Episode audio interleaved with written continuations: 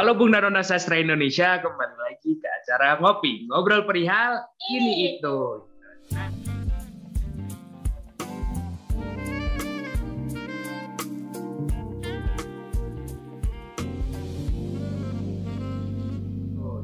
Nah, ini di pembicara pertama kita nih teman-teman, kita udah ada eh, kedatangan seorang eh, tamu agung ya, tamu Iya. besar gitu dari dari dosen kita sendiri gitu dari dari dosen yang kebetulan dulu eh, juga berada di lingkup yang sama sama Ya, kita sekarang. Tanpa berlama-lama di sini kita udah kedatangan Pak Baban. Halo Pak Baban. Oke, selamat apa ini ya? Selamat setiap waktu aja ya. Selamat siang, sore, malam, pagi dan seterusnya Kita ya. lagi kita lagi eh, menyambut kedatangan Bung dan Nona Angkatan baru. Iya, angkatan 2021 yang bentar lagi eh, mungkin bakal sekelas sama kita atau bakal ketemu di lingkup eh, UKM atau nanti bakal ketemu di lingkup Nongkrong. iya di tongkrongan di temen gitu kan.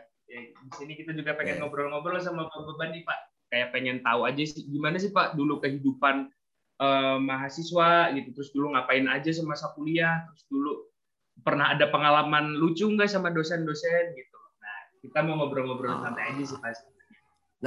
Jadi eh, tentu saja saya pernah jadi mahasiswa ya. Saya di tahun 90 ya, tahun 90 1990. Barangkali kalian eh, mahasiswa baru, adik-adik belum lahir ya. Belum Mbak, Belum, Pak. Rencana aja belum ada. itu, belum lahir ya tahun 90 itu. 90 saya udah usia berapa tahun karena saya termasuk telat juga. Eh, lulus SMA tahun 88, saya baru masuk 90 ya. Karena eh, pada tahun 88 saya tidak diambil, masuk udah masuk tapi tidak diambil karena katanya saya harus bekerja gitu. Tapi kemudian bekerjanya batal dan tahun 90 eh, saya apa namanya ujian lagi dan masuk. gitu. Sebetulnya eh, saya masuk ada ada sebuah sebuah eh, hal sesuatu hal yang menginspirasi saya mengapa saya memilih sastra Indonesia ya. Pertama karena memang saya suka membaca buku-buku ya, buku-buku fiksi dan juga non fiksi. Yang kedua ketika saya eh, di SMA, saya kebetulan membaca novel dari sebuah novel judulnya Tresna atas Tresna atau Tresno atas Tresno ya. Novel itu isinya tentang ini eh, mahasiswa sastra dari kota lain yang mengembara dan kuliah di Jogja. Tetapi intinya ternyata tidak punya apa-apapun kita bisa eh, hidup di Jogja itu bisa kuliah sampai selesai dan bisa eh, sukses seperti itu. Nah, jadi tahun 90 saya masuk. Pada masa itu tentu saja eh, saya ingat model celana itu model celana yang eh, apa namanya? Sutbra ya Pak? Enggak, belum. Eh, udah Oh, lewat. belum. Itu agak kecil sedikit ya. Kalau mau masuk itu pakai kantong keresek atau di kaki lalu, lalu masuk lancar gitu ya. Tapi kemudian eh ada semacam perlawanan dari ini kita menggunakan misalnya celana yang cutbray itu. Ya. Dari situlah kemudian kita merasakan eh, pakaian seperti itu. Nah, karena di sastra barangkali untuk laki-lakinya pakaian itu tidak tidak tidak bukan hal yang apa ya bukan hal yang sangat-sangat penting justru dengan pakaian yang seadanya misalnya banyak celana belel bahkan mungkin celana belel, belel disengaja ini sederhana aja jadi tidak menjadi masalah. Beruntung beruntung masuk di sastra itu bagi saya itu. Karena saya tidak harus memikirkan eh, baju celana da- sepatu dan seterusnya termasuk juga tas karena memang seadanya saja. Seadanya karena juga saya kebetulan masuk di unit kegiatan teater. Seni sastra teater dan film atau GSSTF Unpad.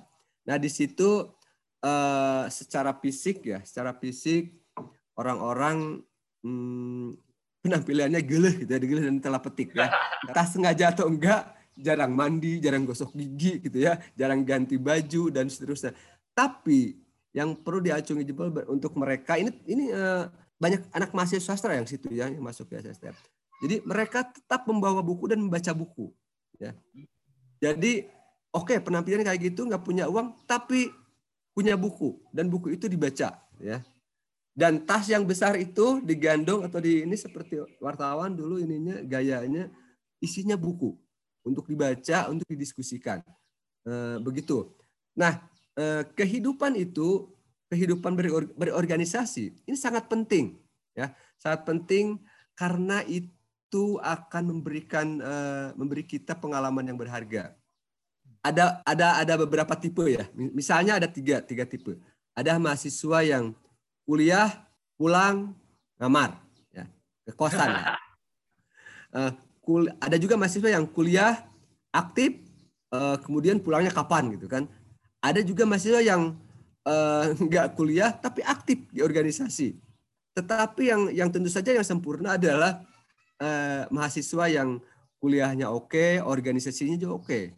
Karena dua hal itu tetap tidak bisa di, di, di apa namanya tidak bisa disepelekan kewajiban kita amanat dari orang tua untuk menyelesaikan kuliah, tapi kita juga harus mendapatkan sesuatu yang lebih dari itu.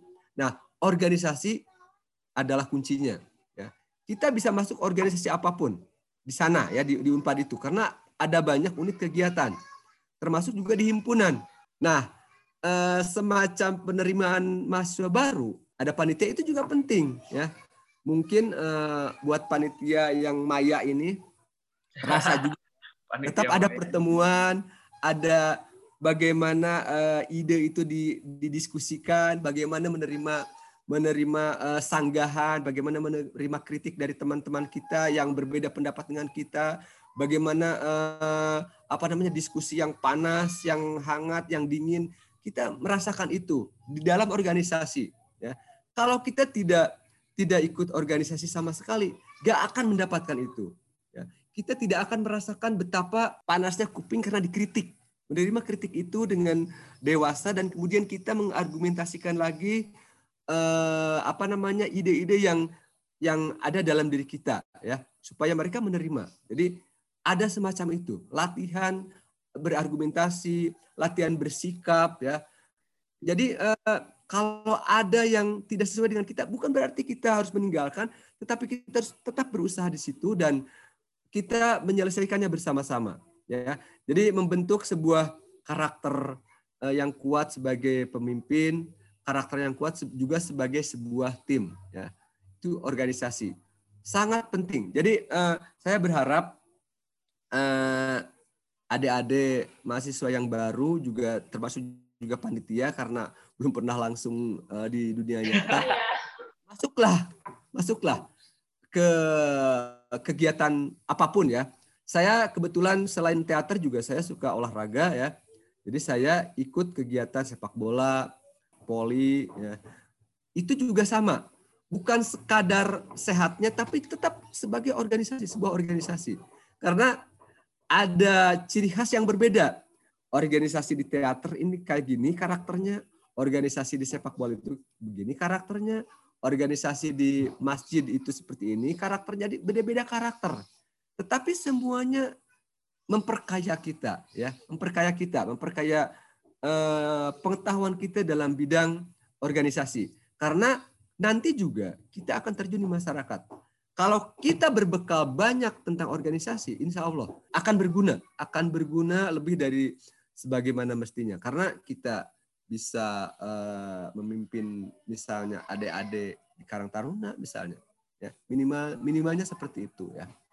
Nah terus uh, tetapi juga uh, itu tampaknya serius ya. Tapi ada banyak hal yang lucu bukan yang lucu ada banyak hal yang cair ya. Tidak tidak harus selalu uh, menyikapi itu dengan sangat serius sampai kita berkerut dan berkeringat. Ini santai aja gitu kita santai menjalani organisasi, menjalani uh, kuliah, atau mungkin juga kalau yang kebetulan laku pacaran, kalau yang enggak ya menderita tapi ya asik juga gitu ya. Karena uh, apa ya? Dulu itu ada istilah uh, ada istilah unit baru, uju ya. Sampai sekarang belum terbentuk tapi tapi selalu ada uju itu. Apa itu Pak Uju, Pak? unit jomblo unpad. unit jomblo unpad itu uju, tapi tidak terbentuk, tapi selalu ada. Anggotanya, anggotanya ada, tapi nggak mau masuk gitu, nggak mau masuk sebagai organisasi karena organisasi juga ada, jomblonya ada banyak itu bertebaran, itu bercandanya asik-asik aja gitu ya, karena justru dengan begitu kita semakin apa ya, semakin semakin asik, semakin enak me, me, merasakan dunia kampus. Memang, memang ya ada juga yang dalam tanda petik glamor ya. Glamor misalnya uh, dia datang memang dari uh, sebagai orang yang berada, tapi juga uh, ketika kita ini luluh di organisasi, mereka juga ikut situ ya. Justru kita saling mema, me, saling memanfaatkan ya. Kalau kalau misalnya teman kita kebetulan punya kendaraan, ketika dalam berorganisasi memerlukan transportasi untuk ke mana-kemana, maka teman kita yang punya itu yang uh, kita mintai tolong. Meski kalau sekarang kan udah biasa ya, karena motor itu udah uh, ini. Tapi kalau dulu kan motor juga sedikit, itu kan jarang, ya. Kebanyakan jalan kaki atau naik angkot. Dari mana pun asalnya, uh, ketika masuk ke dalam sebuah organisasi itu sudah menjadi satu satu kekuatan, satu hal yang saling mengisi gitu ya. Jadi penting. Nah, tapi kadang-kadang ada yang lupa organisasi terus diurus sampai lupa bahwa dia itu kuliah. Itu juga banyak ya. Misalnya uh, sampai lupa ah sekarang sudah semester berapa ini? Harus harus lulus gitu ya.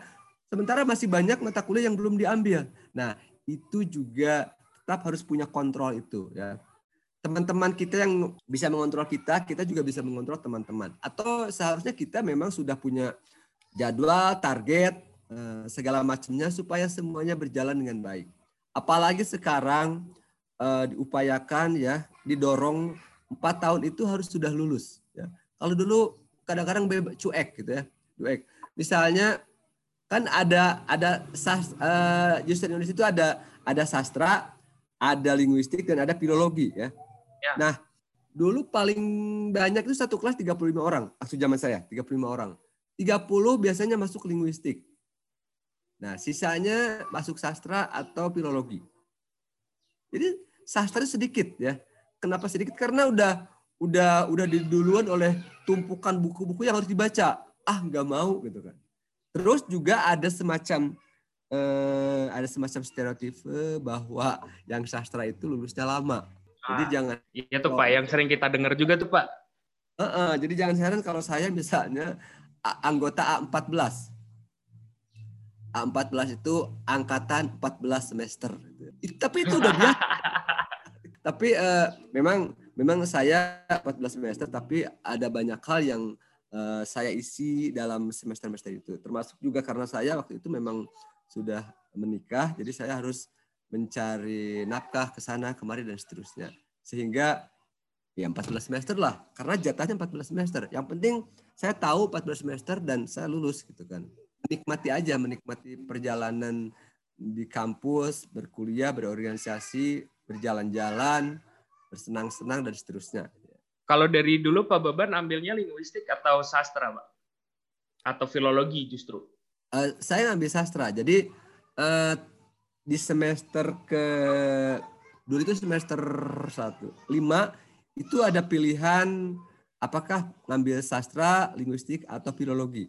Nah, saya ngambil sastra dan saat itu ada lima orang yang ngambil sastra. Lima orang dan kebetulan semuanya aktivis di teater. Jadi eh, ya kita main teater, kita juga bersastra gitu kan. Ada hal yang kebiasaan yang mungkin geleh gitu ya. Kalau misalnya orang melihatnya. Karena dulu saya sering nginep di kampus ya. Jadi nginep di kampus dengan teman-teman di teater itu. Pagi-pagi orang lain mah sudah harum gitu ya. Datang ke kampus sudah bersih, rapi. Kita baru ini uh, baru kerunyung gitu kan dari dari dalam unit itu. Kebiasaan, kebiasaan. Terus yang dilakukan adalah simpan kursi dan baca sajak. Teriak-teriak gitu. Pagi-pagi udah baca sajak. Apa biasa aja itu kan seneng aja gitu kan. Dan teman-teman juga sama mungkin bagi yang baru datang semacam ah hiburan nih sarapan pagi dan seterusnya dan seterusnya ya. Jadi semacam latihan baca saja, latihan juga bagaimana uh, menghadapi penonton, menghadapi apa dan seterusnya. Tapi nggak uh, tahu kalau kalau sekarang tampaknya masih ada beberapa unit yang apa namanya anggotanya nginep di di unit itu ya. Tapi kalau sekarang udah kosong karena memang masa masa pandemi ya. Oh ya Pak, ini ada pertanyaan lagi nih Pak. Kira kalau zaman sekarang kan Pak, stigma anak sastra tuh yang gondrong, yang minum kopi, terus yang suka ngeliatin senja gitu, terus yang yang ngedengerin lagunya tuh yang mendayu-dayu gitu. Nah kalau dulu di zaman Bapak kuliah tuh stigma anak sastra tuh gimana sih Pak? Uh, saya berapa kali gondrong ya. sekarang gondrong lagi karena kalau sekarang gondrong karena saya uh, ini kalau pandemi berakhir mungkin saya jadi pendek rambutnya gitu ya. Atau kalau kita sudah bisa bertemu di ru, di di ruang yang nyata, saya akan merapihkan rambut saya. Ya. Ada semacam itu ya. Uh, Oke. Okay.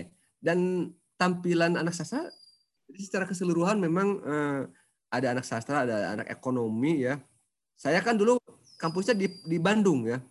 Hmm. 92 baru pindah ke Jatinangor. Jadi di di kampus di Bandung itu ada ekonomi, ada hukum, ada eh, sastra, ada tiga ada tiga fakultas ya di situ. Termasuk juga ada D3 PAP, ya D3 ekonomi dan ada D3 sastra. Anak sastra itu selalu kelihatan ya, selalu kelihatan. Secara umum mereka kucel dengan dengan baju yang juga sama ya baju yang seenaknya gitu ya baju yang seenaknya rambut juga kebanyakan memang uh, bukan kebanyakan untuk yang memilih sastra mungkin kebanyakan gondrong gitu ya gondrong-gondrong terus uh, ngopi juga ngerokok juga terus uh, ya musiknya kebetulan pada zaman saya uh, kalau musik Indonesia itu ada Iwan Fals misalnya suka Iwan Fals ya dulu ya.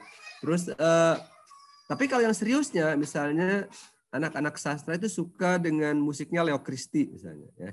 Karena musik itu adalah musik-musik protes, musik-musik uh, tentang uh, kemiskinan, uh, pokoknya simpati terhadap orang-orang menderita, miskin, uh, terus sebel sama kekuasaan dan seterusnya. Ya. Nah itu musiknya. Tapi juga tidak menutup kemungkinan bahwa uh, ada banyak teman-teman yang uh, suka misalnya minuman yang yang memabukan misalnya tapi tidak bikin geleh keterlaluan tapi ada yeah. aja gitu. Tapi kalau kopi memang sudah sudah menjadi kebiasaan dari dulu kopi ya. Bahkan uh, kalau sore hari itu di Bandung itu ada ada tukang bajigur, Mang Bajigur, kopi bajigur. Kopi bajigur latihan, latihan teater, latihan sastra, latihan eh, apa bola, latihan fisik, latihan nari apa gitu kan. Setelah itu nggak bajigur di sambil ngopi gitu kan. Selalu hangat ya. Sore hari itu eh, sore hari selalu ada kegiatan. Ada banyak kegiatan sampai malam ya. Jadi dari pagi sampai malam itu nggak pernah berhenti kegiatan. Kegiatan dan saya melihat di kampus itu kegiatan-kegiatan positif. Dan tentu kalau ingin dulu itu kalau tempat sekadar nongkrong susah ya kalau nongkrong tapi eh, semua lorong itu biasanya dipakai untuk kegiatan yang positif karena di Bandung kan kecil ya ininya jadi kelihatan. Kalau ada yang nggak benar itu kelihatan. Atau eh, ada juga teman-teman yang main kartu misalnya. Ya, macam-macam main kartu ada yang diskusi serius ada yang latihan teater serius ada menari serius latihan musik serius. Rame itu ya. Rame ada unit kan ada unit, unit marching band UPBM terus uh, lises terus apa ya jadi semua suara itu ada di situ ada banyak ya. Nah kalau kita latihan apa yang bisa bikin uh, orang supaya uh, mendengar gitu kan? Jadi latihan olah vokal teriak-teriak terus uh, gayanya berbeda dengan orang seperti orang gila gitu kayak gitu. Jadi seperti orang gila itu udah dari dulu gitu. Itu semacam semacam latihan uh, supaya orang perhatian orang ke kita. Nah, baru setelah itu, setelah orang-orang memperhatikan kita, kita oke, okay, apa pun mungkin bisa ide apa pun bisa bisa bisa disampaikan, bisa didengar mereka karena memang ah, perhatiannya sudah fokus kita. Jadi mencuri perhatian ya. Termasuk juga kalau saya cowok termasuk juga cewek ya menarik perhatian cewek juga. Ih, gondrong gila-gila deket. Tapi aneh banyak juga yang suka sama sama dekil sama kucal itu banyak juga yang suka gitu ya. Ada yang sampai uh aku uh, suka banget. Jadi suka kalau suka banget pasti kalau main teater pasti nonton gitu kan. Uh, sebagai penonton yang setia lah istilahnya kayak gitu. Tongkrongan itu hampir sama sebetulnya. Tongkrongan itu uh, cuma beda ini aja mungkin. Kalau sekarang uh, sambil bawa uh, apa HP gitu kan kalau sekarang dulu nggak bawa apa-apa gitu kan paling di, di, di celana itu banyaknya koin, koin seratusan. Itu untuk telepon umum. Ya. Jadi kalau punya kekasih, punya orang tua yang ada teleponnya pakai koin itu ya, yang seratusan itu ya. Paling itu ya. Uh, ya, karena saya bergaul di bukan orang-orang yang uh, yang punya ini itu, jadi saya nggak tahu barang apa yang yang keren. Kalau dulu kalau sekarang kan orang-orang nongkrong di kafe gitu ya pak ya di kafe atau uh. di mana gitu. Kalau dulu di mana pak bapak nongkrongnya pak? Iya selain di kampus uh, pak. biasanya uh, kita ke kampus lain biasanya. Uh, ini ini saya ya kita ke kampus lain karena deket kan ada itb deket. Ada ke sananya ada uh, universitas uh, apa unisba ya. Unisba ya. Ada ke sananya ada IKIP, dulu IKIP ada UPI ya. Nah, ya. dan mereka kan juga berbagi kegiatan, berbagi kegiatan. Uh, ngasih tahu kegiatan. Jadi ini ini jadi tempat nongkrong ini, tempat nongkrong di luar di luar kampus. Meskipun di kampus-kampus juga gitu ya. Uh, tetap dalam koridor kegiatan. Tapi kalau di luar kampus banget, paling uh, apa ya? Saya termasuk yang tidak punya ini, tapi ada ada kebiasaan jalan-jalan malam. Jalan-jalan malam, misalnya ada lima orang jalan-jalan malam nih. Setiap satu jam, eh, komandannya eh, diganti. Kita harus ikut komandan itu. Jalan terus. Jadi mencari sesuatu, merasakan apa sambil sambil sebelumnya tentu saja eh, kita akan ke sana untuk ini, itu, dan seterusnya. Ya. Nah, biasanya nongkrongnya di warteg gitu. nongkrong aja gitu. Di warteg ngopi di di terminal gitu kan. Ini ngomong-ngomong-ngomong gitu ngobrol. Jadi nggak punya nggak punya tempat khusus yang yang eh, apa namanya untuk mengobrolkan sesuatu seperti kafe sekarang. Tapi saya dan teman-teman saya yang yang yang deket-deket ya kayaknya nggak punya gitu ya. Nggak pernah di kafe atau apalah. Kecuali beberapa kali mungkin diajak teman lain eh, kita ke di situ tuh dulu ada gratia namanya ada KP apa gitu kan itu harganya kan enggak enggak deh cukup kalau ada yang tapi kalau untuk menyengajakan diri mah enggak gitu. karena memang harganya uh, berbeda jauh berbeda dengan di warteg ya. Gitu. jadi cukup udahlah kita beli kopi beli rokok uh, kalau udah punya itu udah atau di tempat tempat kosan teman-teman yang lain nongkrong itu. Ya, nongkrong ngomong-ngomong seenaknya, ketawa seenaknya biasanya kayak gitu. Ya. Nah, Oke, ini lanjut lagi nih Pak, kita balik lagi ke kampus. Okay. Kan ini ya. sekarang kita lagi masa orientasi apa, lagi masa ospek gitu, lagi masa ah. pengenalan. Nah, kalau di zaman Bapak itu ospek gimana sih Pak budayanya di khususnya di sastra Indonesia gitu ya Pak? Gitu kan kalau yang sekarang ini uh, kita terkenalnya eh, nggak uh, ada senioritas, nggak ada uh, apa yang nggak ada perpeloncoan lah ibaratnya. Nah, apakah itu udah jadi uh, tradisi di Sasindo Unpad? Mungkin saya saya ceritanya fakultas dulu ya. Uh, dulu waktu masuk itu ada istilah uh, kemah sastra. Kemah sastra itu uh, sebuah kegiatan yang diperuntukkan untuk mahasiswa baru. Ya, tentu saja dikelola oleh para senior dan di sana kita betul-betul digembleng fisik dan mental gitu. itu sampai ke oh, bahu pegal gitu kan sampai semuanya pegal-pegal deh dan termasuk juga kekerasan kekerasan fisik ya kekerasan fisik bisa bisa ditabok bisa dipukul bisa ditendang kira-kira panjang lapang bola itu berapa meter ya 90 meteran Pak kalau lapangan bola. Minimal ya, minimal 80 ya, minimal ya. Ya. Minimal 80 meter lah. Bayangkan anak-anak baru malam-malam disuruh koprol jungkir. Uh, terus bruk, banyak yang muntah banyak yang ah macam-macam pokoknya terus juga nggak jelas ya jalannya nah itu semacam kekerasan seperti itu ya tapi ya kita kita uh, kita tahu mengapa kita dihukum gitu kayak gitu. Jadi ada alasan-alasan tertentu kenapa kita diberi kekerasan. Kalau push up udah biasa, satu seri, serong kiri, gerak gitu kan. Kalau udah serong kiri pasti push up. Ya. Jadi push up satu sesi itu 25. Nah, setelah uh, ini ambil posisi squat jam. Squat jam 25 gitu ya. Nah, itu hal-hal yang fisik. Belum kalau kalau malam itu kan nggak ketahuan senior itu jebret-jebret aja main pukul seenaknya gitu kan. Nah, tapi itu kebiasaan ya pada saat itu. Itu di fakultas dan tetapi selain kekerasan kita juga diberi materi yang yang bagus gitu kan. Ada materi diskusi kelompok, ada debat, ada apa ada apa. Semuanya eh, asik ya. Jadi pokoknya asik aja karena itu memang di ruangan terbuka dan itu eh, kadang-kadang tidak mendapatkan izin. Tapi karena harus uh, dilaksanakan izinnya biasanya telat gitu ya. Izin dari uh, fakultas ya. Jadi pergi aja gitu kan. Tapi tidak pernah terjadi kecelakaan karena kekerasan tidak pernah ya. Misalnya kita mendengar uh, apa namanya sampai ke sampai sakit sangat sakit ya. Gara-gara uh, apa ospek gitu ya. Nah uh, itu di fakultas. Jadi materi ini ya uh, yang untuk pikiran kita, materi untuk hati, perasaan juga ada ya. Dan materi ini fisik juga ada. Itu lengkap ya, lengkap dan e, dilaksanakan selama tiga, tiga malam untuk fakultas.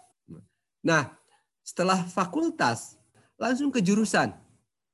Jurusan juga sama ada, ada seperti itu. Jadi ada ada tapi kalau jurusan itu ada ada misalnya berapa minggu gitu kan ada acara acara hari apa bertemu diskusi ada materi sastra materi linguistik materi eh, agama materi organisasi dan seterusnya dan seterusnya.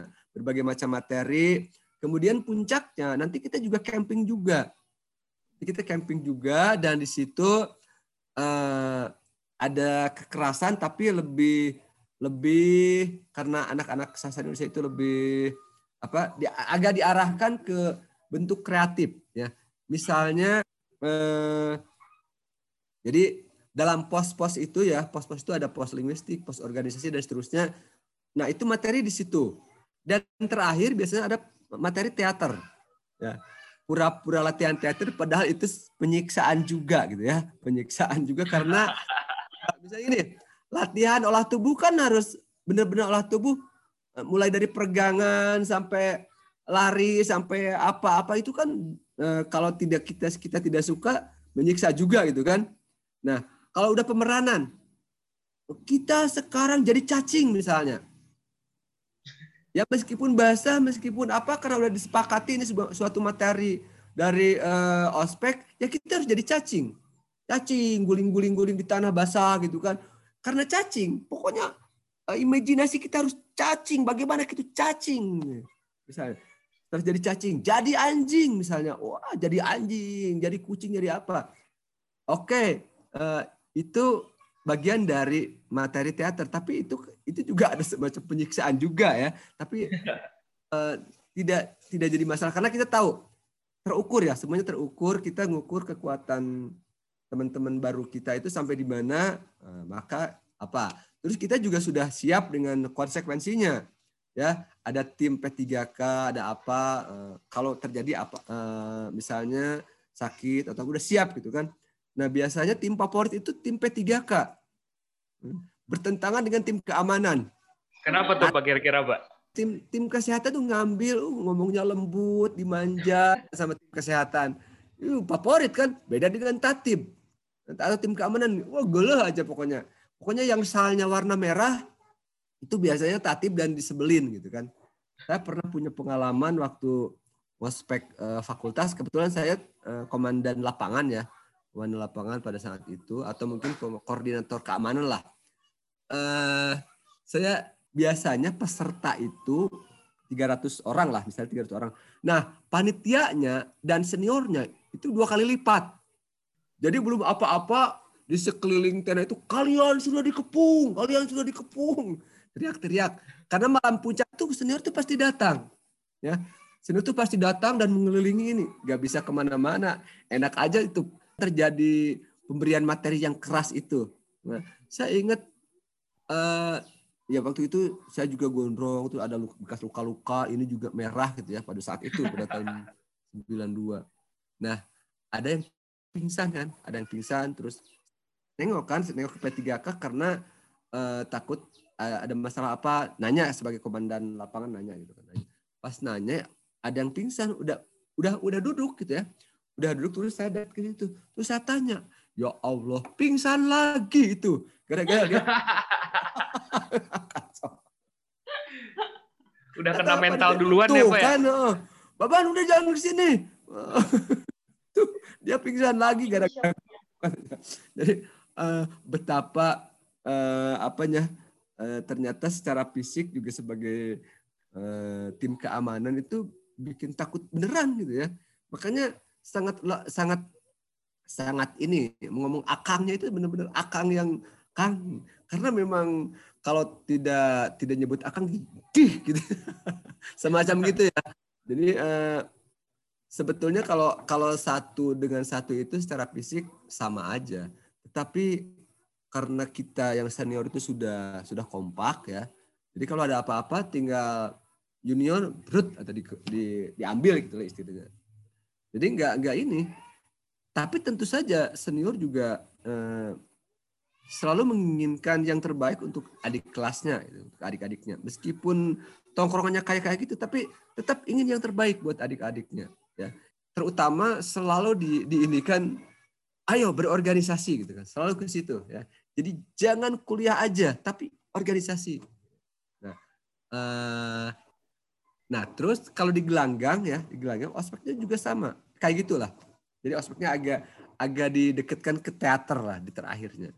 Sama juga ada perjalanan malam ada ini uh, selalu materi dan mengundang mengundang uh, senior mengundang alumni untuk datang di malam itu. Kemah biasanya uh, di, diberi nama kemah apa ya macam-macam lah namanya. Ya. tapi intinya satu malam didatang situ dan mengundang uh, senior mengundang alumni mengundang juga dosen untuk rame-rame di situ ya. Rame-rame ngomong tentang apa saja. Ada penampilan uh, dari anak baru musik teater dan seterusnya. Kemudian di pagi hari selesai ada acara puncak ya. Itu tergantung bergantung pada uh, panitianya membentuk acaranya seperti apa ada yang berhasil ada yang biasa aja untuk sampai ke puncak itu jadi keberhasilan itu biasanya ditandai oleh menangisnya para uh, mahasiswa baru biasanya. Jadi menangis, kemudian panitia juga sama menangis, pelukan itu ya, akhirnya akrab. Keakraban itu dibawa sampai ke kampus. Ya. Jadi eh, apa namanya? Itulah gunanya ospek ya.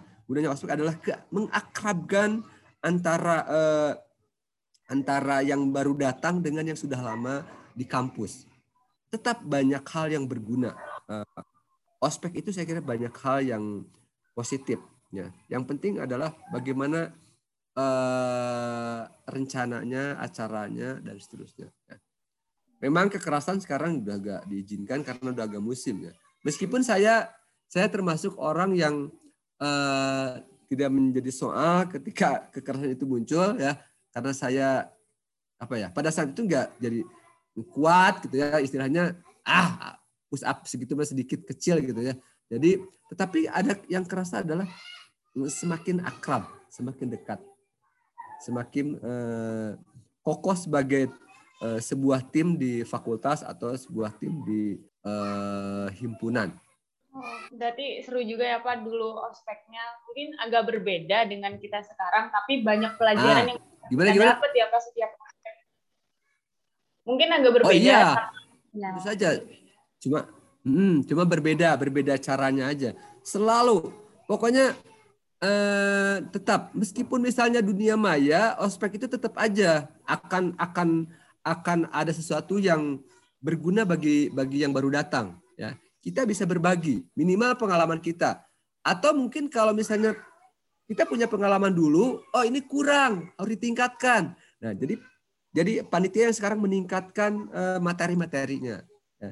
Karena saya yakin uh, justru di zaman sekarang, zaman milenial apa yang banyak hal-hal yang saya juga agak susah untuk mengikutinya. Nah, kalian yang muda-muda itu pasti pasti lebih asik gitu, lebih asik oh ternyata ini gini gini gini dan seterusnya. Ya.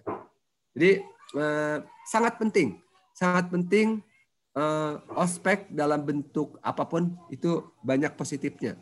Sepanjang kita punya niat baik untuk mereka. Ya.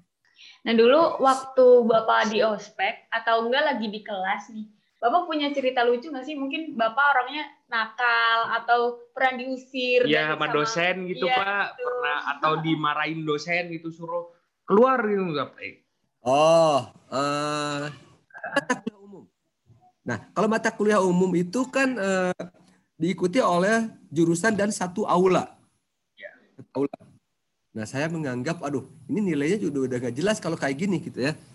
Uh, karena absen dititipkan itu kan ujian wah gitu kan karena berdempetan. Nah, saya selalu nitip absen, nitip absen, absen, absen. UTS UTS sampai tugas juga sama nitip. Nah, tapi saya pernah masuk dua kali lah mungkin saya masuk. Ketika saya masuk, saya menca dicatat, saya catat gitu kan. Udah aja. Ketika ujian akhir, ketika ujian akhir, catatan itu saya bawa cuma satu lembar, satu lembar gitu ya, satu lembar ginilah, lembar gini disimpan aja gini kan, udah ujian, ujian itu esai, ah, bukan esai, eh, pokoknya pertanyaan jawab gitu ya, bukan ABC lah. Ya. Nah, aduh ini apa? Kayaknya ini ini deh sama dengan yang saya bawa gitu ya. oh betul, itu persis sekali dengan apa yang saya tulis di situ. Satu lembar. Ya udah hujan, ter, ter, selesai, cepet kan. Nah, ketika uh, udah ini, udah selesai terus, ketika keluar nilai, nilai saya A.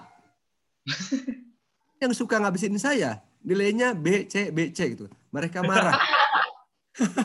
Ya gimana orang? Saya kebetulan ini pas ujian tuh saya ini banget itu satu lembar itu. Uh, apa namanya? Sama banget dengan apa yang ini materinya itu itu kebetulan yang ya mungkin kalau bagi saya itu agak agak lucu karena bikin bikin teman saya iri gitu yang yang suka ngabisin ngabisin ini ya. kayak gitu. Atau uh, ya pernah juga sih eh, disuruh keluar gara-gara gara-gara ngobrol gitu kan. Tapi ini lebih ke mata kuliah umum ya tidak mata kuliah jurusan. Kalau mata kuliah jurusan kan cuma 30 orang lah 30 orang lebih jadi kelihatan semuanya nggak nggak sampai nggak sampai ini. Uh, paling juga uh, kalian pasti senang sama dosen yang uh, cantik sama dosen yang ganteng. Nah saya juga sama. Dulu uh, ada si ibu ya ibu itu cantik gitu ya. Nah kebetulan uh, yang kuliah itu sedikit yang kuliah sedikit cuman karena sastra udah sastra.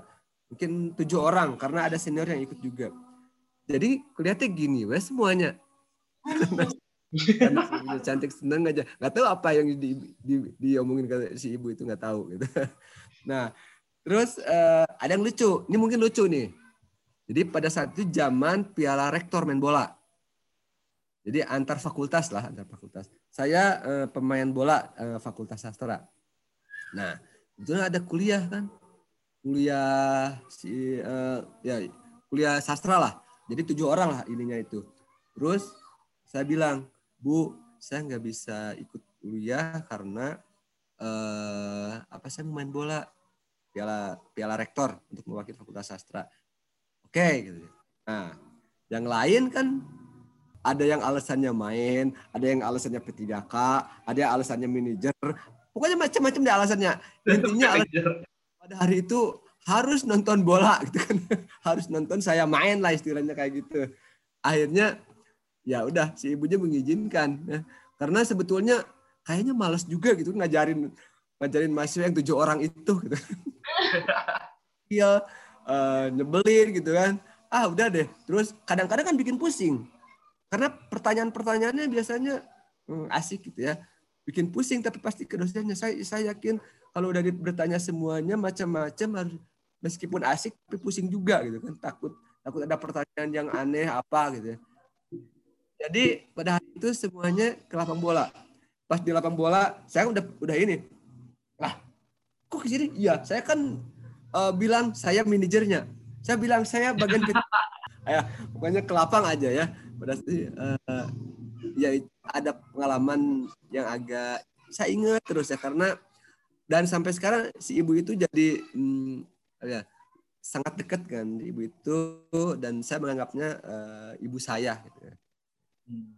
Kayak gitu. Ya. ya sedikit lah agak agak lucu lah dikit mungkin. Mata kuliah apa itu, Pak? Itu mata kuliah sejarah, sejarah kesusastraan. Hmm. Kalau nah, mata kuliah favoritnya Bapak sendiri apa? Ya, matkul yang paling uh, digemari, Pak. Yang paling digemari ada ada seorang dosen namanya Pak Ade Kosmaya ya. Udah almarhum ya. Kebetulan dia juga jadi pembimbing saya. Uh, dia ngajar uh, apa namanya hmm, kritik sastra dan teori-teori sastra. Nah, saya suka dengan Pak Ade ya. Pak Ade uh, karena dia membawakannya enak meskipun sayanya pusing karena ke mana-mana ya kalau kalau udah ngobrol gitu ke mana-mana nah kalau kita udah baca itu belum baca ini ini kekejar tapi kalau kita nggak baca uh, pasti uh, aduh apa yang dikatakan gitu ya. Jadi mata kuliahnya uh, pokoknya yang berhubungan dengan sastra tentu saja ya. Mata kuliah uh, apa? Mungkin kritik sastra mungkin ya. Uh, terus uh, dan mata kuliah uh, apa? Drama drama ya. Hmm. dulu namanya namanya kajian drama namanya kajian drama jadi kalau kajian drama itu saya sengaja usul dengan ke, uh, bersama teman-teman Pak kita akan tampil nanti di ujung akhir kuliah ya kan. Ada pementasan untuk ditonton. Asalnya belum ya. Karena kebetulan kami anak-anak SSTF jadi me, me, membuat pementasan ya. Dan itu membuat semakin asik aja gitu kan. Asik uh, berkuliah ini. Dosennya pada saat itu Panana Panana jadi saya pernah diajari oleh Panana uh, ya Pak Hamid Panana yang belum tuh mungkin sama sama Bulina belum sama Pak Tatang belum karena bareng-bareng ya itu. Oke Pak, ini uh, lanjut lagi di ada pertanyaan ini sih Pak.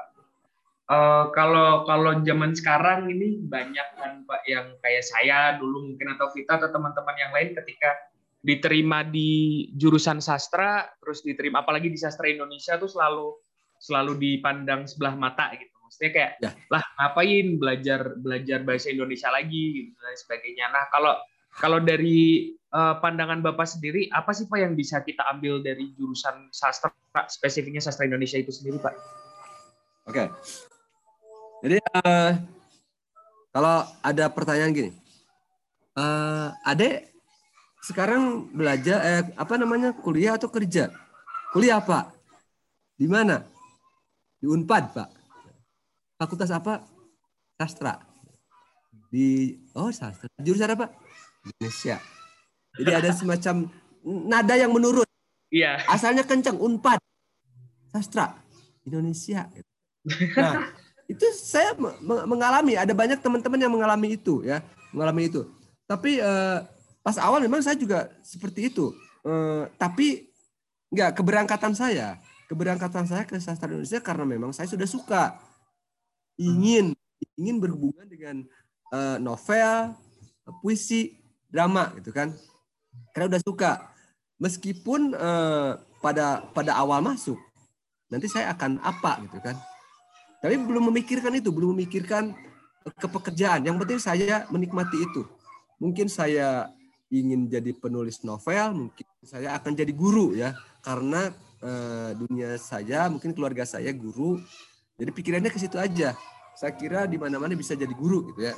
Nah, eh, dan kemudian ke sininya eh, ke sininya semakin banyak banyak materi kuliah yang oh ternyata Eh, tidak tidak belajar kebahasaan saja tidak belajar sastra aja, tapi ada banyak hal yang kita dapatkan, ya.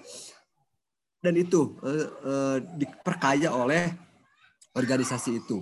Artinya sebetulnya uh, orang yang apa namanya orang yang menguasai manajemen ya manajemen untuk dirinya ya uh, itu bisa di mana saja sebetulnya bisa di mana saja kuliahnya di mana di mana yang penting adalah bagaimana ini pola pikir membentuk pola pikir yang berbeda ya. pola pikir yang berbeda itu dihasilkan dari ilmu pengetahuan yang kita dapatkan hasil dari membaca kita hasil dari uh, kegiatan organisasi kita itu membentuk pola pikir kita ya. Jadi eh, jangan jangan heran misalnya mengapa di di kepolisian misalnya di, di dunia wartawan, dunia hiburan ada banyak eh, alumni sastra Indonesia di situ hadir ya. Karena memang itu dari dari pola pikir, dari apa yang kita ini. Kan ternyata eh, bahasa Indonesia itu bisa eh, menguasai banyak hal, bisa berguna untuk banyak hal ya. Uh, contoh ininya misalnya gini. Sekarang kan sebetulnya kita bisa membayangkan betapa seorang profesor ya. Kalau berbicara itu profesor paling mahal juga 4 juta lah. Paling mahal ya 4 juta. Itu juga sangat jarang. Karena tidak sesuai dengan uh, apa namanya aturan ya paling bartel lah 2 juta misalnya seorang profesor tapi bayangkan seorang seniman kalau Sule ngomong itu berapa bayarannya coba? Hmm. Kalau penyanyi siapa gitu kan, itu berapa sekali nyanyi? Jauh berbeda. Nah, itu kan dunia kreatif, ya, dunia kreatif. Nah, dalam dunia sastra Indonesia kita mendapatkan itu. Ada dunia kreatif, ada ada mata kuliah yang memancing kita untuk kreatif, untuk menulis kreatif, untuk membuat pertunjukan kreatif. Untuk membuat kesenian-kesenian yang kreatif, untuk membuat film yang kreatif. Ya, tentu saja itu dipicu oleh proses kreatif. Eh, sebetulnya kita harus menikmati itu sampai eh, menikmati secara eh, ide, menikmati secara hati ya proses kreatif itu, karena semuanya akan akan memunculkan kita lebih jauh, ya, lebih jauh. Kalau kita suka film misalnya, tentu saja kita bagaimana proses kreatif membuat film ada ada harus ada naskah, bagaimana naskah ditulis ya. Naskah naskah itu kan sangat penting. Sangat penting dalam sebuah film, dalam iklan, dalam uh, apa pun lah, naskah itu sangat penting ya.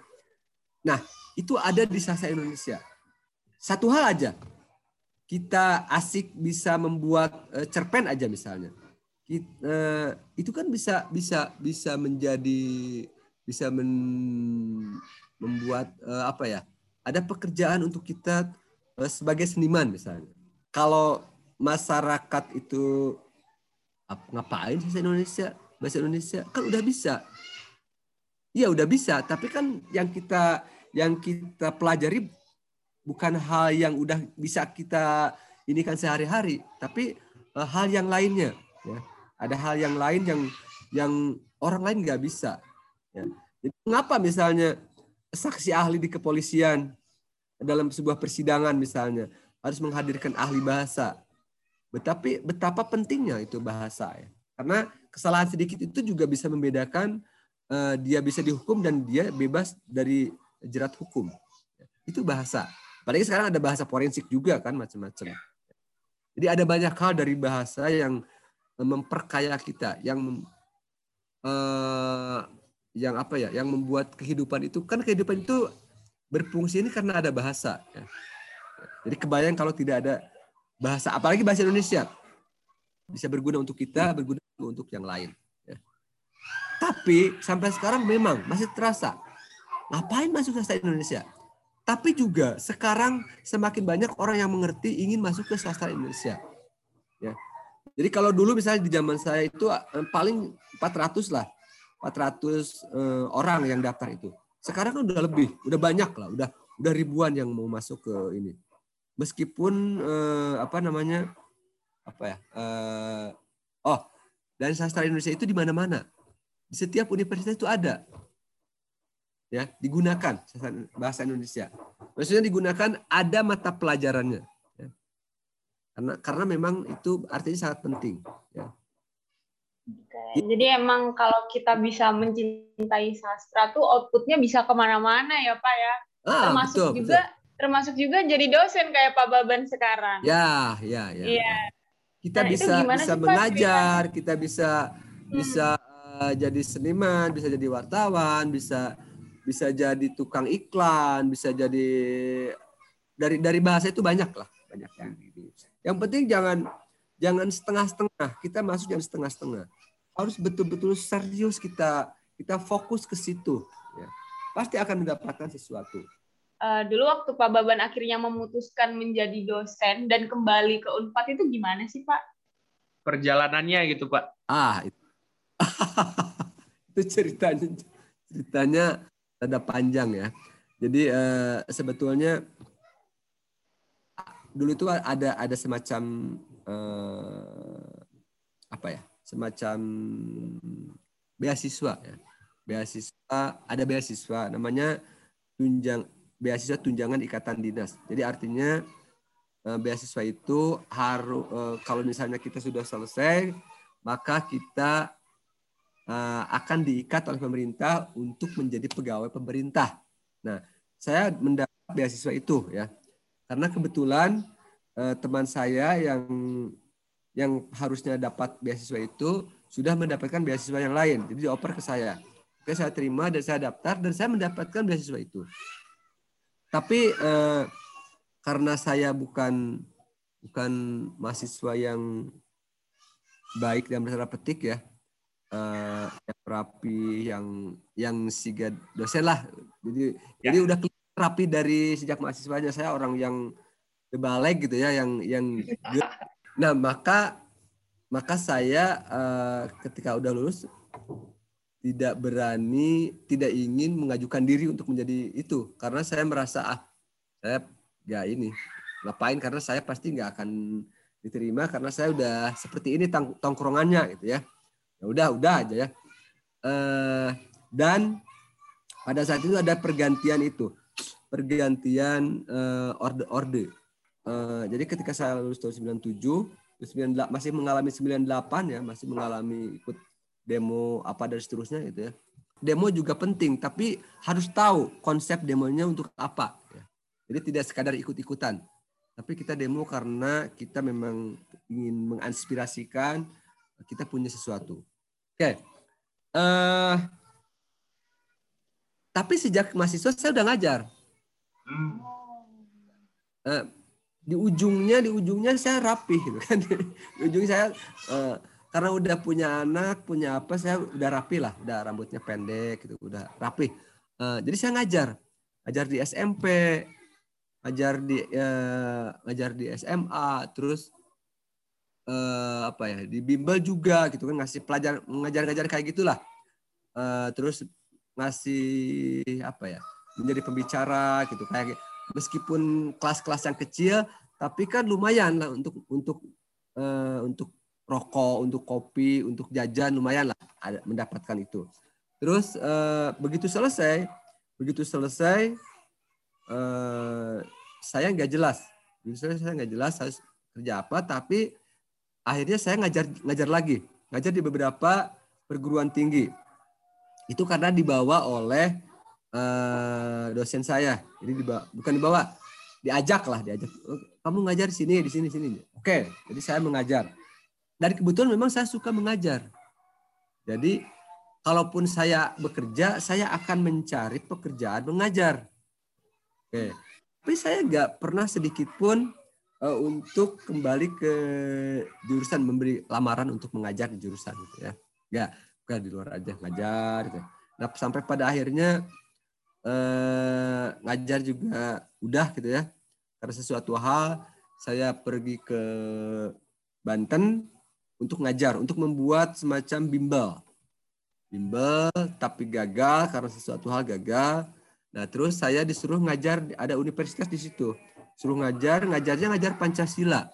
Ya, Pancasila daripada ini ya udahlah, oke, nyoba dicoba gitu kan. Tapi kemudian saya nggak betah karena saya nggak bisa hidup karena ngajar satu mata kuliah yang eh, apa namanya gajinya sangat sedikit, jadi nggak bakalan cukup. Udah deh saya pamit pulang aja gitu ya. Nggak akan melanjutkan itu. Nah ketika pulang ada universitas di Indramayu uh, jadi saya harus mengajar di situ. Nah ketika akan memulai ketika akan memulai di Indramayu itu saya mendapatkan surat panggilan surat panggilan uh, dari dekan dari dekan Fakultas Sastra bahwa saya uh, harus memilih mengajar di fakultas atau di Unpad lah atau di atau di Departemen Pendidikan dan Kebudayaan atau mengganti uh, beasiswa. Nah, tentu saja saya tidak saya tidak berpikir banyak. Ya udah udah mending ngajar daripada saya mengganti terus saya juga uh, tapi saya harus meninggalkan Indramayu. Padahal di Indramayu itu jadi kalau saya ngajar saya akan diberi uh, apa namanya kolam kolam empang ya uh, untuk uh, udang untuk pokoknya ditambak lah ikan tambak ya jadi ya, lumayan lah lumayan luas dan itu bisa bisa bisa apa ya bisa membuat kehidupan saya mungkin secara ekonomi baik tapi ya udah karena saya daripada mengganti uang beasiswa mendingan ngajar itu di Unpad. Akhirnya saya balik ke Unpad. Dan e, mau tidak mau ya mau tidak mau mungkin jurusan ya harus menerima karena dekan dekan atau pimpinan dari universitas e, harus menempatkan saya di situ ya. Jadi e, oke okay lah saya akhirnya e, mengajar dan yang pertama kali mengajar di ini adalah mata kuliah e, bersama Panana saya ingat waktu itu Panana sedang mengajar uh, saya lupa nama mata kuliahnya, tapi dengan Panana ya. Nah, ikut itu kan ikut dulu sampai satu semester akhirnya saya mendapatkan uh, ngajar kelas gitu ya. Ngajar kelas terus juga saya mengajar di D3 karena dulu ada D3-nya. Bergantian saya melihat bagaimana Panana mengajar. Ya. Jadi saya uh, belajar lagi, belajar lagi bagaimana menghadapi teman-teman dan bagaimana menghadapi mahasiswa di uh, kelas ya. Nah, uh, itu belum ini masih honorer ya. Masih honorer oh. dan biasanya dan biasanya menjadi honorer itu sampai bertahun-tahun, sampai lima tahun sampai tujuh tahun. Tapi karena saya harus ada tiga orang yang dipanggil itu dari dari uh, yang mendapatkan beasiswa itu ada tiga orang dipanggil dan harus segera diangkat. Akhirnya saya ujian dan saya lulus lulus karena memang harus harus lulus gitu ya. Dan saya setahun ya hanya setahun menjadi dosen honorer yang biasanya 5 sampai 7 tahun. Pak Irfan sudah ada saat itu. Pak Irfan, Pak Ais sudah ada ya. Dan Pak Irfan sudah lama saya lewati. Ya karena karena dari sana harus harus saya dulu gitu ya. Akhirnya saya eh, tahun 2005 eh, ya menjadi uh, dosen atau 2003 menjadi dosen di Fakultas Sastra di, di jurusan atau di program studi uh, bahasa Indonesia, sastra Indonesia. Oh ya, jadi gini, kadang-kadang hmm, teman-teman saya, termasuk juga saya, gak nyangka itu kok, saya bisa gitu ya, dari Unpad di prodi sastra Indonesia. Asalnya begitu nanyanya, kok bisa ya? Iya saya juga ini, tapi kan harus karena saya punya beasiswa ini. Gitu kan. Akhirnya setahun lalu saya sekolah aja ke Jogja gitu ya. Oke, berarti Pak Beban kurang lebih sekitar hampir 20 tahun ya Pak ngajar di Unpad ya Pak ya? Uh, ya, 2000, dari iya. Ya, 2000, ya hampir 20 tahun, kurang 2 tahun mungkin ya. Ya, hampir 20. Nah, uh, buat Pak Beban sekarang sendiri nih, dari dari dari Pak Beban sendiri, uh, pengen dipandang sama mahasiswa itu sebagai dosen yang kayak gimana sih Pak? dari dari dulu saya tuh uh, terlalu dekat dengan mahasiswa ya dekat dekat itu dekat dekat gitu ya ya apalagi pas masih muda masih suka main bola bersama masih suka main teater bersama. Jadi se seperti adik kakak aja gitu ya. Nah tapi ke sini ke sininya karena uh, saya tahu saya semakin tua gitu ya kedekatan itu tetap ada sebelum pandemi itu deket. Masih masih suka main main bola bareng. Masih suka main, baca puisi bareng masih suka diskusi bareng main teater bareng sebelum pandemi ya. Uh, jadi saya tetap ingin ingin ingin apa ya ingin dipandang uh, ingin dianggap lah ingin dianggap sebagai tidak sebagai dosen yang uh, berjarak ya. sangat uh, formal gitu ya tapi anggaplah saya sebagai kakak atau bapak tapi juga uh, tetap harus harus tahu posisi ketika ketika saya sebagai dosen ketika uh, yang lain sebagai mahasiswa gitu ya tapi tetap hubungannya uh, saya kakak kalian saya bapak kalian yang uh, akan memberikan sesuatu pada kalian dan kita tetap uh, sebagai sebuah tim sebuah tim uh, yang akan misalnya punya tujuan tertentu untuk uh, program yang sesuai dengan uh, program studi misalnya. Jadi oke, okay, pandang saya sebagai kakak kalian, sebagai bapak kalian uh, apa namanya? Jadi jangan jangan apalagi takut ya, jangan sampai takut, ya kan? dekat aja. Jadi kalau ada apa-apa langsung langsung ngomong apa dan seterusnya. Bahkan saya sering ngajak uh, ajak mahasiswa ke rumah gitu kan uh, ke rumah nginep diskusi uh, pergi ke apa namanya berwisata ke, hutan gitu kan di, di tempat saya biasanya uh, teman-teman kalian yang udah senior itu senang dibawa ke tempat saya karena memang tempat saya di kampung. Jadi apalagi kalau latar belakangnya mereka dari kota. Oh seneng gitu ya. Seneng karena uh, main di kampung. Jadi saya saya nggak suka nggak terlalu suka dengan ini formalitas yang yang berjarak. Tapi saya suka formalitas yang tetap dekat. Tapi tetap kita tahu posisi kita tahu. Kita tahu posisinya oh saya mahasiswa bapak dosen saya dosen eh, anda mahasiswa posisi sebagai ini tahu di saat misalnya di kelas di saat kita tetap tahu itu ya Gitu. Jadi mau ada kedekatan gitu ya Pak ya? Ya. Karena Bapak udah 20 tahun juga nih, berarti udah kenal macam-macam karakter mahasiswa. Bapak juga udah pernah jadi mahasiswa ya. di lingkungan yang sama. Menurut Bapak Tuh. perbedaannya mahasiswa dulu sama mahasiswa sekarang tuh apa sih Pak yang paling nyentrik tuh apa sih Pak? Nah, ini. Uh, kekuatan ini, kekuatan mental ya, ketakutan mental terus uh, saya melihat sekarang itu ada semacam uh, kerapuhan kerapuhan dibandingkan dulu ya. Ini minta misalnya uh, untuk hal dulu itu kalau kalau misalnya apa ya untuk mencari sesuatu mencari buku misalnya dia akan terus mencari sebelum buku itu dapat ya. sebelum didapatkan kuat terus mencari. Tapi eh, mahasiswa sekarang itu ada kecenderungan, eh, aduh susah pak. Jadi ada semacam keinginan untuk di, diberi ini gitu, udah jadi gitu kayak gitu. Disuapin gitu ya pak ya, disuapin. Ah, ah, ada semacam itu. Meskipun memang eh, apa ya? Kita juga harus memberi kemudahan sebetulnya memang ya, memberi kemudahan tapi jadinya jadinya kayaknya ini terlalu mudah atau apa gitu ya Berbeda dengan dulu memang dulu itu ada ada semacam sengaja disusahkan atau apa gitu ya. Uh, tapi mahasiswa mau mau mau mau mencoba untuk mendapatkan itu ya. Uh, terus terus secara apa ya? Ini mungkinan mak makanan membedakan juga mungkin ya. Atau karena saya lingkungannya teman-temannya eh, nggak uh, punya uang mungkin ya. Jadi lebih lebih enak yang yang makanan yang mudah meriah gitu loh.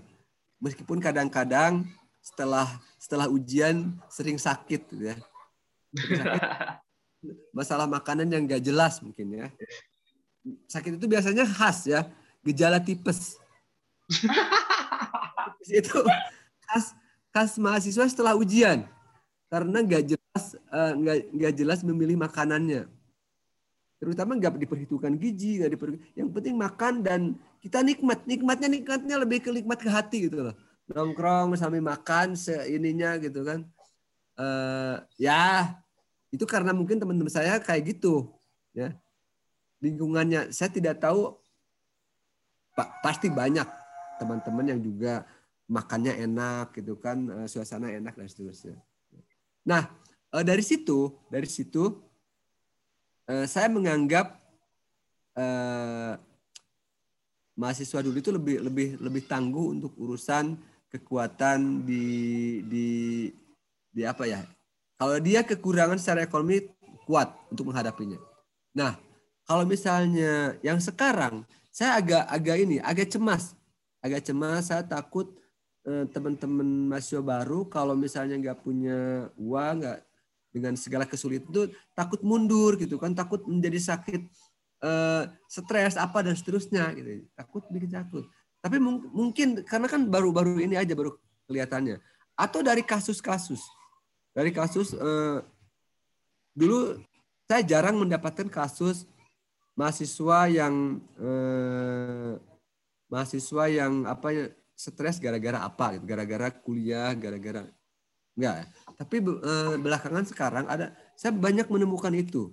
Kan mereka uh, stres jadi larinya ke mana ke mana gitu kan dan akhirnya uh, oke okay, kita ngobrol uh, kamu jangan begini begitu dan seterusnya dan seterusnya itu uh, ternyata uh, kelihatan dari ketangguhan ya ketangguhan mentalnya um, udah banyak juga nih cerita-cerita dari Pak ya. Baban mulai dari nah, zaman ya kuliah zaman dulu yang kita nggak pernah tahu bahkan kita belum lahir ya. Iya kita belum ya. lahir belum. Sampai sekarang kita juga diajar sama Pak Baban ikut mata kuliahnya Pak Baban. Terus juga banyak cerita-cerita tentang mahasiswa zaman sebentar lagi ya yang uh, mahasiswa baru 21 juga bakal ketemu Pak Baban ya, ya Pak di semester satu ya Pak ya ya Pak? Uh, uh, tapi uh, uh, mata kuliahnya harusnya pokok dan tokoh tuh uh, diganti jadi nggak ada iya dihapus ya Pak ya semester ini nggak ketemu mahasiswa baru. Oh, nggak ketemu Pak. Mahasiswa baru karena mata kuliah itu kan nggak ada. Jadi tapi ketemu lagi 2000 2020 di mata kuliah itu apa? Sastra anak ya? Eh, eh bukan Pak. Oh, kritik, kritik. Ya, kritik. Ya. Kritik sastra. Padahal ketemu itu pokok tokoh apresiasi sastra tuh salah satu yang jadi favorit anak-anak Pak. Soalnya uh, setiap kelas saya juga kita ada perform. Suka Ya, nggak apa-apa lah Pak. Nah ini Pak, oh, yang terakhir nih. Sebelum kan di akhir bulan ini kita bakal kuliah, bakal apa itu ada pesan-pesan nggak Pak buat buat anak-anak eh, tahun 2021 yang bakalan masuk kuliah? Ada pesan-pesan gitu atau ada uh, wejangan yang mau disampaikan lah kira-kira? Oh, oke okay, ya. Hmm. Jadi uh, pokoknya selamat datang untuk uh, para mahasiswa baru angkatan 2021. Bagaimanapun eh, kalau misalnya tadi ada ada pertanyaan kuliah di mana? Di Unpad. Di fakultas apa? Saya apa? Indonesia. Ada hal yang menurun. Itu itu gambaran dulu. Kalau sekarang nggak perlu seperti itu lagi karena eh, semua orang eh, punya kesempatan yang sama ternyata. Selama kita eh, punya keseriusan di satu bidang. Nah sekarang kalian sudah masuk ke bahasa Indonesia, artinya kalian sudah uh, memilih itu, ya, memilih itu dan jangan ragu-ragu karena uh, ilmu apa pun akan berguna di kemudian hari ya untuk kalian juga untuk masyarakat. Nah, yang paling penting adalah ketika kita sudah menentukan pilihan, uh, jalani pilihan itu dengan keseriusan, dengan uh, Eh, apa namanya istilahnya profesional lah. Profesional artinya di sini betul-betul eh, fokus, eh, ter, terukur, terjadwal dan seterusnya. Jadi ada hal yang betul-betul apa namanya kita inginkan di situ, lalu kita apa namanya dapatkan di situ. Artinya gini, Eh, ketika nanti akan uh, menjalani perkuliahan selama empat tahun ke depan ya atau lebih lah uh, artinya seriuslah seriuslah untuk mengikuti itu seolah-olah bukan bukan uh, yang akan mendengarkan tapi seolah-olah yang akan mengajarkan ya artinya begini ketika misalnya uh, besok mata kuliah bahasa Indonesia misalnya besok jadi seolah-olah kalian yang akan mengajarkannya. Artinya kalian mempersiapkan diri seperti akan mengajar. Insya Allah ya, insya Allah dengan begitu kalian uh, akan semakin apa namanya semakin uh, pintar semakin berisi karena banyak membaca ya. Jadi jangan-jangan hanya sekadar bersiap untuk menerima tapi seolah-olah bersiap untuk menyampaikan. Terus jangan lupa juga uh, meskipun ini dunia maya tapi senior-senior uh, kalian sudah membuat semacam uh, apa ya rumah rumah organisasi meskipun di dunia maya ya dan saya yakin eh, meskipun dalam dunia maya pikiran-pikiran itu sering juga didiskusikan ya meskipun di, di dunia maya ya eh, tapi insya Allah kalau sudah sampai ke eh, sudah sampai pandemi itu sudah sampai di ujungnya gitu ya kita akan berkumpul dan organisasi adalah satu hal yang jangan dilupakan kalau kita betah di sebuah tempat, kita membuat apa, membuat apa, membuat apa gitu kan supaya semakin betah. Dari kalian juga sama. Mudah-mudahan kalian betah di Prodi Sastra Indonesia. Dengan begitu kalian akan aktif sebagai apa-apa apa-apa yang akan semakin uh, kalian betah dan orang-orang juga betah asik uh, tinggal di dalamnya. Nah, selamat uh, sebagai mahasiswa baru bagaimanapun ini adalah kesempatan yang langka untuk kalian. Dari sekian ratus ribu orang atau mungkin juta orang, kalian eh, berkesempatan menjadi mahasiswa baru. Oke, okay, okay. kalau gitu karena sudah panjang kita sudah ngobrol ya, banyak. Dan dari A sampai Z ya, ya. semua udah dibahas semua gitu. Dan tentunya kita semua berharap ya Pak, kita semua berharap bahwa pandemi ini cepat selesai, cepat ketemu uh, di kelas lagi biar kita juga nggak dicengin sama senior senior pak kita masih iya. sering dicengin gitu, kayak kan belum pernah masuk ke kampus ya gitu gitu ya kan kita juga pengen ah pokoknya ya saya juga saya berharap karena nggak enak ngajar ngajar seperti itu nggak enak ya. sangat tidak enak bikin stres bikin stres tetap pun enak langsung apa pun sulitnya eh, mengajar, apa pun sulitnya mengerjakan soal, enak langsung.